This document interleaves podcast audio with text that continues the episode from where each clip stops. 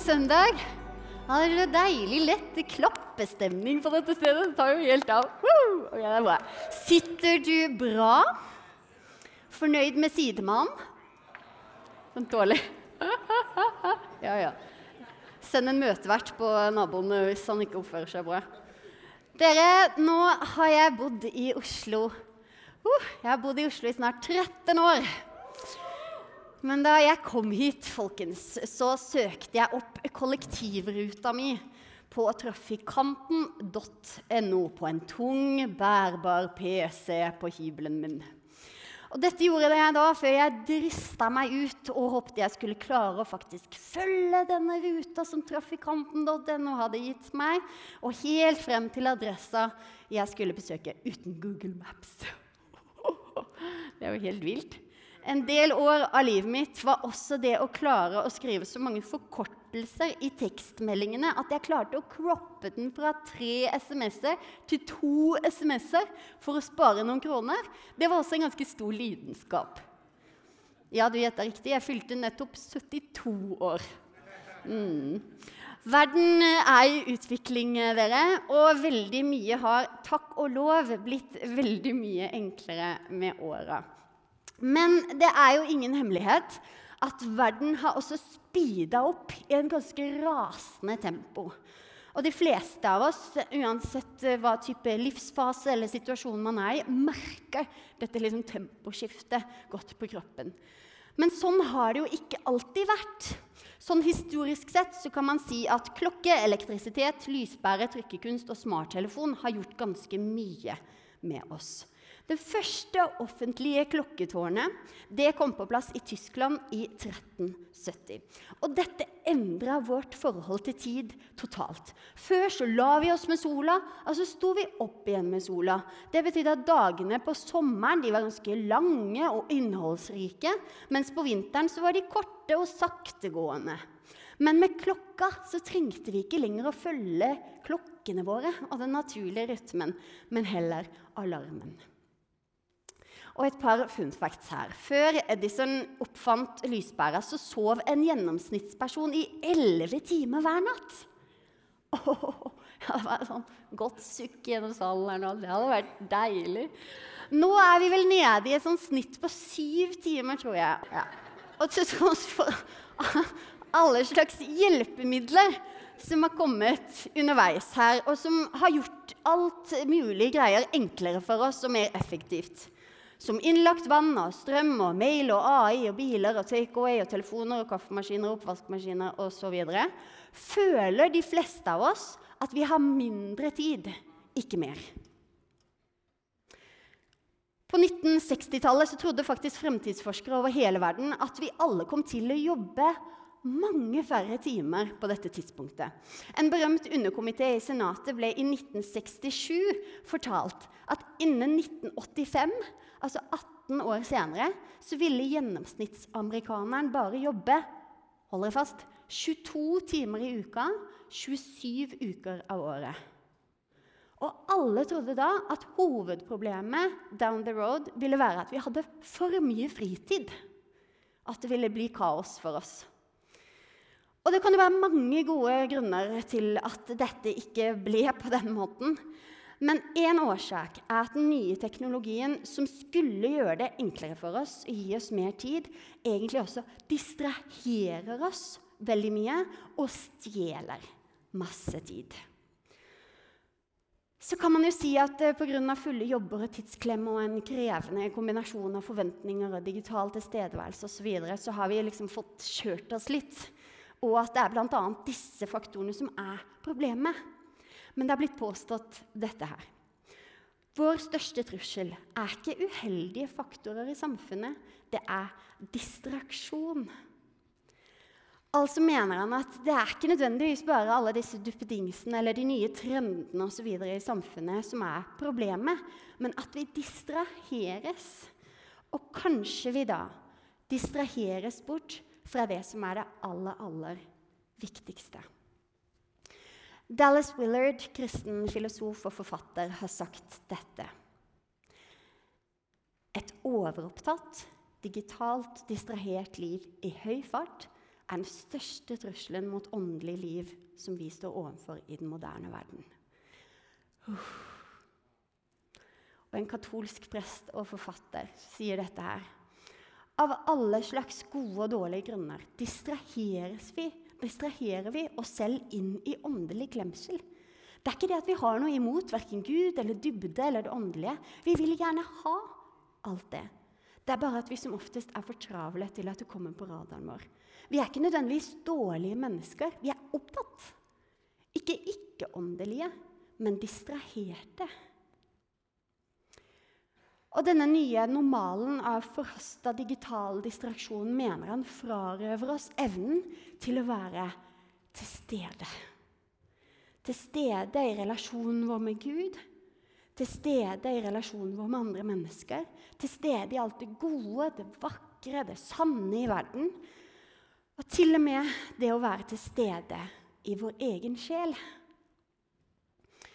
For hva vil det gagne et menneske om det vinner hele verden, men taper sin sjel, er Jesus sitt eget spørsmål til oss. Dere distraherer vi oss bort fra vår egen sjel? Fra Gud, fra mennesker, det vakre? Kanskje vi er en hel generasjon som kunne trengt de orda som Jesus sier til Martha. Martha, Martha, du gjør deg strev og uro med mange ting, men ett er nødvendig er nødvendig. Og Det som jeg skal snakke om nå, det handler eh, ikke om at vi skal rømme til et annet sted, eller hvordan smette unna liksom, å lage en vei utenom denne verden og utenom samfunnet vi lever i. Ikke i det hele tatt. Tvert imot så handler det om hvordan kan vi klare å leve et godt liv. Hvor man får gå med stødige skritt og trives i samfunnet vi lever i, i den verden vi lever i. Og I dag har jeg lyst til at vi skal inspireres av Jesus sjøl. For så langt jeg ser, så sitter han på det mest inspirerende eksempelet. Og den mest livgivende, solide og effektive oppskriften på et godt liv over tid, uavhengig av hvilket årtusen man lever i. Så jeg er nysgjerrig på dette her spørsmålet i dag. Finnes det en praksis fra Jesus, en årtusener gammel måte å leve på, som kan være til hjelp for vårt daglige liv i vår tid? Vi skal til Matteus kapittel 3. Her leser vi om når Jesus blir døpt i Jordanelven. Og se, himmelen åpnet seg, og han så Guds ånd komme ned over seg som en due. Og det lød en røst fra himmelen. Dette er min sønn, den elskede. I ham har jeg min glede. Dette her som skjer her, er mer enn en emosjonell og åndelig peak i Jesus sitt liv. Dette er selve startskuddet for Jesus sin tjeneste. Fra her så blir Jesus sendt ut i verden. Men allerede i neste vers så leser vi Jesus ble så av ånden ført ut i ødemarken for å bli fristet av djevelen. Han fastet i 40 dager og 40 netter og ble til sist sulten. Da kom fristeren til ham. Ørken i dette tilfellet her betyr ikke nødvendigvis bare sand og varme. Det greske ordet som brukes for ørken her, er eremos, og det har flere betydninger. Det kan være ørken, ørkensted, et øde sted, et sted alene, et stille sted. Og dette her, ordet her, Det greske ordet som brukes, det går igjen i stor grad i evangeliene og snakkes om dette stille stedet hvor Jesus ber, eller hvor han tar med seg disiplene for å hvile seg litt og være sammen med ham og be. Og Vi skal se litt på Jesus, nettopp på Jesus sitt forhold til dette her Eremos-stedet. For Jesus han har en tendens til å komme tilbake til dette stedet. Han går tilbake hit igjen og igjen og igjen. Legg merke til at det første Jesus gjør etter at han blir døpt, var å ta turen rett til ørkenen, til dette stille stedet. Altså før de store menneskeskarene, før fans, før en stor Insta-konto. Et stille sted. Eremos. Og det gjentar seg. ta kapittel, Markus kapittel 1 som eksempel. Markus sitt første kapittel er egentlig ett langt kapittel om Jesus sin første dag på jobb med ny arbeidstittel Messias. Og dette var en maratondag. Han var tidlig oppe, han underviste i synagogen. Etter lunsj og helbreder han Peters svigermor. Og han var oppe seint for å helbrede de syke. Man kan jo lett se for seg at han må ha vært utmatta etter en sånn full dag. Men så leser vi dette. Tidlig neste morgen, mens det ennå var mørkt, sto Jesus opp, gikk ut og dro til et øde sted og ba der. Man skulle kanskje heller tro at Jesus velger å sove litt ut, ta en lett intervalløkt, en sen frokost med disiplene sine, en sånn postsøndagaktig pastordag, eller en litt sånn segen, segen, dag etter nattevakt. Men nei da. Jesus han står opp tidlig, forlater huset og drar igjen til et stille sted, Eremos. Så Jesus var en og en halv måned på dette stille stedet, kommer tilbake til Kapernaum og jobber én dag, for så å dra rett tilbake til dette stille stedet for å be. Så dette stille stedet det var ikke en engangsgreie for Jesus på noe som helst vis. Det var ofte, det var fast, det var en, da, en del av hans livsrytme. Men historien er heller ikke ferdig der. Men Simon og de andre skyndte seg etter ham. Og da de fant ham, sa de, 'Alle leter etter deg.' Som i 'Jesus, hvor har du vært? Du var helt rå i går.' NRK de vil ha et intervju, VGTV det gjemmer seg bak Peters hus. Du må komme tilbake. Men hva svarer Jesus? La oss gå videre til småbyene her omkring, så jeg kan forkynne der også. Det er derfor jeg har kommet. Det er vel Jesus sin måte å si nei. Og hvorfor klarer Jesus å si nei til dette spennende folkerøret? Alt det oppstyret, alt det morsomme? Jo, Jesus kom ut av ørkenen med all mulig klarhet om hans tjeneste, hans kall, hans identitet. Han var grunnfesta, han var på plass, han var tett kobla med Gud og seg sjøl. Og fra et stødig emosjonelt og åndelig sted så visste han nøyaktig hva han skulle si ja til og nei til. Og Gjennom evangeliene så skjønner man fort at dette stille stedet var topp prioritet for Jesus. Og at dette var en nødvendighet for hans personlige liv og for hans tjeneste. Og så må vi få med oss et eksempel til også fra disiplenes perspektiv. Går det bra med deg? Det er bra. Markus kapittel 6. Disiplene her driver og forteller Jesus om alt de har gjort og fått til i løpet av de første dagene på jobb som disipler, og forteller at de ikke engang rakk å spise. Men Jesus virker ikke sånn kjempeimponert og mener vel at det liksom skal vel være mulig å kunne spise mellom slaga og alt det der. Og responsen hans er heller Kom med meg til et øde sted, et stille sted, hvor vi kan være alene, og hvil dere litt. Og igjen er det dette Eremos som brukes. Og hva formidler Jesus med disse ordene? Jo, midt i alt dette der viktige greiene som han holder på med, stort og viktig oppdrag som disiplene har her, eller ikke viktig i det hele tatt Det dere trenger, er tid alene med meg. Kom med meg til et øde sted hvor vi kan være alene, og hvil deg litt. Og en annen spennende ting her også. Spesielt i Lukas' evangelium så kan man se Jesus sitt liv gå langs to akser. Jo mer hektisk, jo mer kjent, jo mer etterspurt og berømt Jesus blir, jo mer drar han bort til et stille sted for å be. Ikke mindre. Ettersom det liksom baller på seg, så ser man mindre til det, liksom. Nei, tvert imot. Jo mer, jo mer jo mer tid. Så eksempelet fra Jesus er jo mer hektiske vi blir Og jeg vet dette er dritvanskelig. Jo mer hektiske vi blir på jobb, studier, familien, i en sesong av livet, så trenger vi ikke mindre tid med Gud. Vi trenger faktisk mer. Og det virker som om Jesus på en måte innser hvilken sprengkraft denne her tida med Gud hadde. Omtrent som det var en slags hemmelig ingrediens hvor avgjørende det var for hans trivsel og for hans tjeneste at Guds nærvær fikk påvirke ham, at Guds perspektiv fikk prege ham, Og at han midt i en fullpakka kalender og drøssevis av forpliktelser og en overveldende arbeidsbeskrivelse, så finner han liv med Gud. Tenk på det. Jesus trengte tid på et stille sted. Jesus trengte tid, og ganske mye av det. Han hadde en fast og hyppig rytme på Eremos. Han sniker seg bort, går opp på et fjell. Jeg ser for meg han gjemmer seg bak noens hus.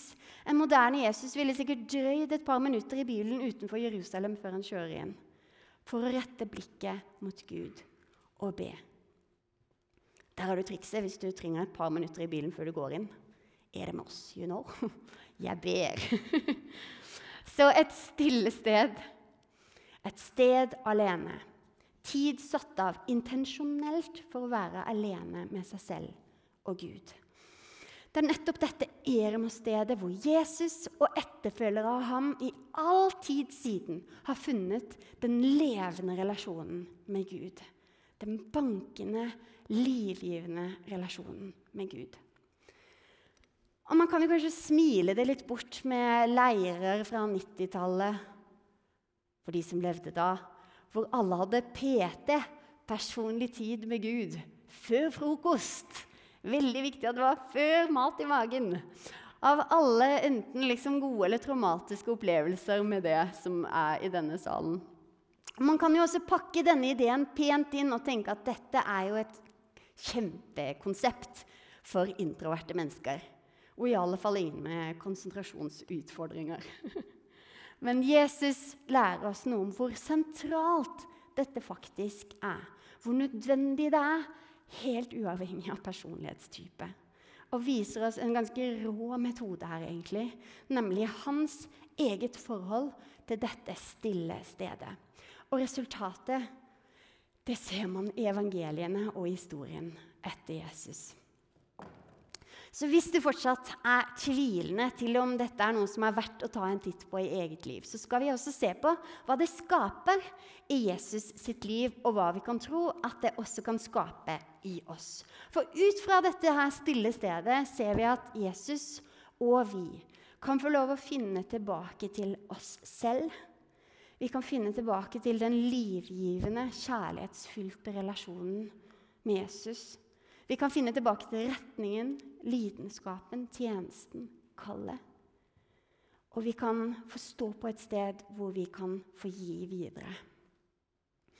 For uten stillhet, dere, uten å kunne høre seg sjøl tenke en litt lengre tanke, uten rom for kontakt med sjela vår, og at vi ved en viss frekvens kjenner at vi fornyes på en eller annen måte, så tror jeg at vi står i fare for å miste oss sjøl langs veien.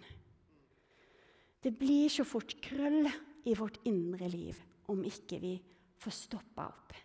Så vi trenger dere å sette oss sjøl i den posisjonen hvor sjelen vår kan fornyes.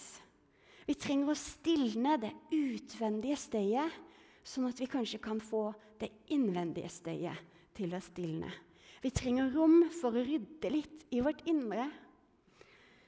I denne stillheten så bremser vi ned lenge nok til å føle alle følelsene vi har løpt bort fra og har forsøkt å ta igjen. Vi møter det gode og det onde i vårt eget hjerte, vår sult og vår tørst etter Gud, eller mangelen på tørst etter Gud.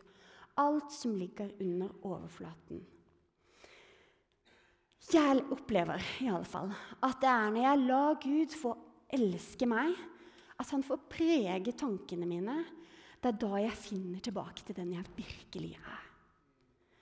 Da blir jeg igjen påminnet hva som er min identitet Jesus.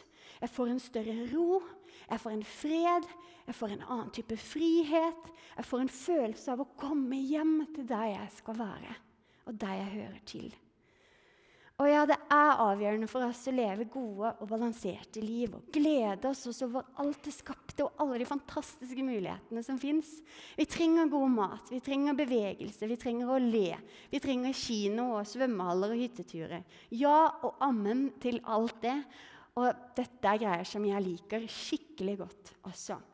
Men noen ganger så må jeg i alle fall sjøl spørre meg om det jeg av og til egentlig trenger, det jeg under overflaten kanskje lengter etter enda litt mer enn disse greiene, er et ord fra Gud. Er et friskt pust fra Ham.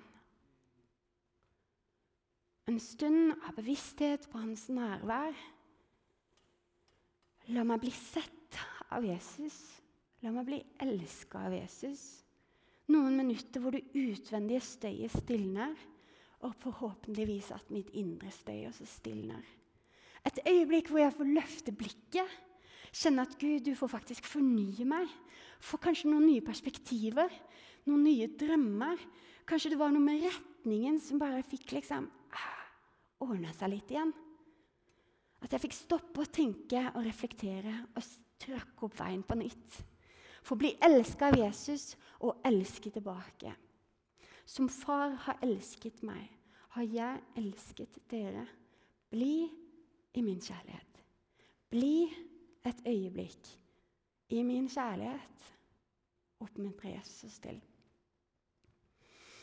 Og Denne stillheten eh, den gjør enda mer. Guds nærvær bringer oss eh, en større klarhet og perspektiv på livet, på prioriteringene våre, hva som er viktig, hva som kanskje ikke var så viktig likevel, hva som virkelig betyr noe. Som for Jesus så vil vi også klare å skille bedre, tror jeg, hva som er hva. Et bilde her kan kanskje være rennende vann. Vann i bevegelse, som bruser og blir uklart. Min datter, når hun fyller vann raskt i et glass, så sier hun 'Se, mamma, tåkevann'. Eller se for deg en bekk med høyt trykk, eller en foss med masse bevegelse, og det bruser. Det blir vanskelig å få klarhet i hva er det egentlig som skjer der. Jeg ser masse vann, men jeg ser det ikke gjennom. Det er ikke klart. Men når det stilner, så blir det klarere. Dere, når vi tør å stoppe opp, når vi tør å være stille lenge nok, så stilner det rundt oss og i oss. Og både det ytre og det indre bildet blir klarere. Hvor var det jeg egentlig var på vei hen? Det der som du snakka og minte meg om for noen år siden, hva var det der igjen? Jeg hadde jo noen drømmer der, men det forsvant litt. Er det noe jeg skal ta tak i igjen? Det der som du minte meg om noen dager siden, jeg tror jeg glemte det. Og så kommer det opp igjen når man får en mulighet til å bare Yes, der var vi. Og hva Gud sier du til meg i dag? Og jeg vil påstå at dette også gjør det en hel del mer spennende. At dette er noe som kan gi liv til livet. Og det som også kan gi liv, og som, kunne, som kan eh, liv til livet, er å kunne gi og velsigne andre rundt oss. Og påvirkningen fra Jesus vil kunne hjelpe oss også her i det å kunne velsigne andre. Bli i meg, så blir jeg i dere. Slik som greinen ikke kan bære frukt av seg selv, men bare hvis den blir på vintreet. Slik kan heller ikke dere bære frukt hvis dere ikke blir i meg. Jeg er vintreet, dere er greinene. Den som blir i meg og jeg ham, bærer mye frukt. For uten meg kan dere ingenting gjøre hos Jesus, sammen med ham, får vi ta imot, vi får fylles med hans kjærlighet. Og det gjør oss at vi får vokse i å elske oss sjøl mer. Og ut fra det stedet så kan vi få lov til å elske vår neste. Vi får en kilde å hente fra på en helt annen måte. Guds egen kjærlighet å kunne gi videre. Det er helt mind-breaking tanke. Kristin, det er ikke lenger bare din kapasitet det går på. Det trenger ikke å stoppe der. Fordi at du, Gud, har lyst til å fylle meg med din type kjærlighet, som er en helt annen skala enn jeg kan klare noen gang å hoste opp. Og så kan vi få hente fra den kilden, og ut fra å stå på et godt sted sjøl med egenkjærlighet og en innebygd kilde, så klarer vi å ha et åpnere blikk ut mot vår neste og vår verden. Men dere, i møte med denne her stillheten, tida med deg sjøl og med Gud, så har jeg lyst til å si dette. dropp å prøve å imponere folk. Og i alle fall dropp å prøve å imponere Gud. Kan vi være enige om det? For dette handler om noe mye, mye dypere enn det. Et medfødt behov for å være nær vår skaper. Å bli elska av ham for å kunne elske oss sjøl og så vår neste. Og så har vi i tillegg alle ulikt utgangspunkt her. Noen av oss har fått en litt enklere vei. Noen elsker å sitte og stirre ut i lufta. Bless you. Topp. Noen her er kanskje helt nye i tro. Andre har hatt sin stille tid med Gud i mange, mange år. Det er faktisk ikke det som er poenget. Dette handler om en hjerteinnstilling og bare begynne et sted. Men Kristin, livet mitt er så komplekst. Jeg vet ikke jeg er opp ned på meg sjøl engang. Eller Kristin, jeg har altfor mange barn til å klare å tenke på annet enn matpakker og våte sokker. Jeg vet. Men du, det er egentlig det som faktisk er poenget. At vi faktisk kjenner at 'jeg bare kommer litt kort her, jeg, Gud'. Jeg trenger at du puster på meg på nytt. Jeg trenger din kraft, jeg. Ja. Jeg vet ikke hva jeg skal gjøre uten det. Og så vil jeg si senk skuldrene. Her er det et lass av nåde idet man forsøker å gå opp en vei her. Og så er min erfaring at det er sånn at jeg ofte kommer til et punkt også hvor jeg kjenner at jeg ikke egentlig klarer å ikke lufte hjertet mitt for Gud.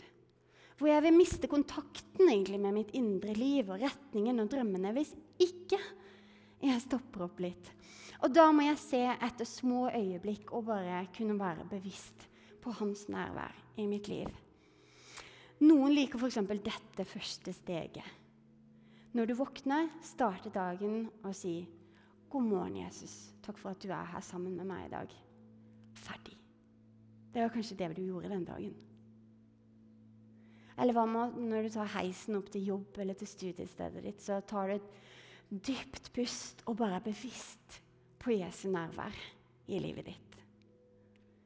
Det er her, dere, i disse øyeblikkene av Eremos, det er her Jesus og etterfølgere av ham i all tid siden har funnet liv med Gud. Her om dagen Klokka var fem på morgenen. Halvard, eh, min mann, var bortreist. Og det var vel 98% baluba fra første stund. Og jeg tenkte sånn eh, Skal vi se Dette blir jo interessante 14 timer før leggetid. Og det, sånn kan jeg ofte tenke, og det tenkte jeg sikkert da òg. Men denne dagen, mens ungene var litt sånn opptatt med noe, så bare snek jeg meg ut i gangen klistra meg inn til veggen så de ikke skulle se meg. Og så åpna jeg mobilen på en sånn bønneveileder jeg har. Og ja, jeg klarte ikke å tenke klart, så jeg brukte en veileder. Men det var helt supert. For der fikk jeg noen minutter der i gangen til å legge av bekymringer, til å senke skuldrene. Kjenne at Gud, du er her med oss, og du har tenkt å være hele denne lange dagen. Og så bare fikk jeg overgi dagen til han. Og du får det jo faktisk ikke noe mer banalt enn akkurat det eksempelet der. Men den dagen så kjente jeg en sånn ro og en fred. Og det kan godt være helt tilfeldig, men det var uansett så godt. Og jeg tror det var veldig riktig.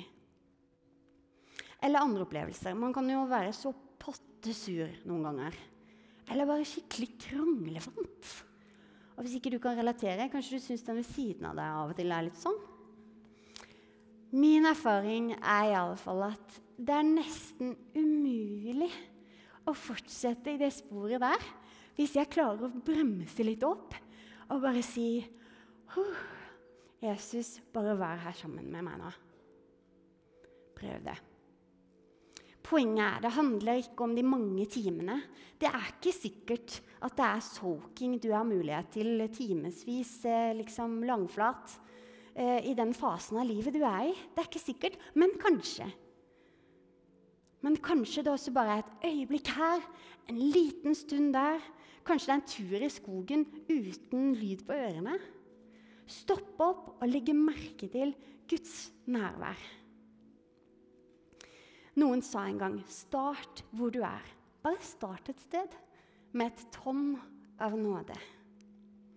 Og min bønn er at vi alle kan inspireres av Jesu eget forhold til dette stille stedet i Eremos, hvor Jesus og etterfølgere av ham i all tid siden har funnet tilbake til denne livgivende relasjonen med Gud. Og her inviteres du og jeg til det samme. Vi ber en bønn. Herre Jesus, takk for at du ser hver enkelt i dette rommet. Du kjenner oss bedre enn vi kjenner oss sjøl. Du vet nøyaktig hva vi trenger. Du vet hva vi kommer fra, hva som ligger i bagasjen vår, hva som ligger i nåtida vår, og du kjenner hva som ligger foran oss.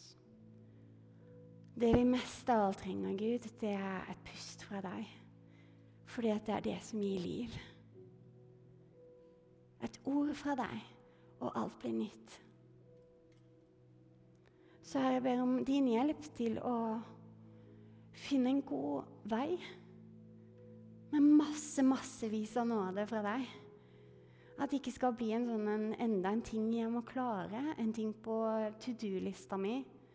Men at vi skal bare skjønne at vi blir så inspirert av deg og måten du lever ditt liv på. At vi bare kan ikke gjøre noe annet enn å følge i ditt fotspor. Og hjelp oss, Herre, og led oss at når vi kjenner at vi kommer litt til kort, kjenner at vi, ja, vi er tomme, så skal det være litt lettere å bare henvende seg til deg. Litt lettere å rette blikket mot deg. Og så kan du få fylle oss på nytt. For av og til er det det vi virkelig trenger. Tusen takk for ditt nærvær, Gud. Du har nå hørt en podkast fra Filadelfia-kirken i Oslo. Vil du vite mer om oss, gå inn på filadelfia.no. Og ikke minst velkommen til å feire gudstjenester med oss hver eneste søndag, enten fysisk eller online.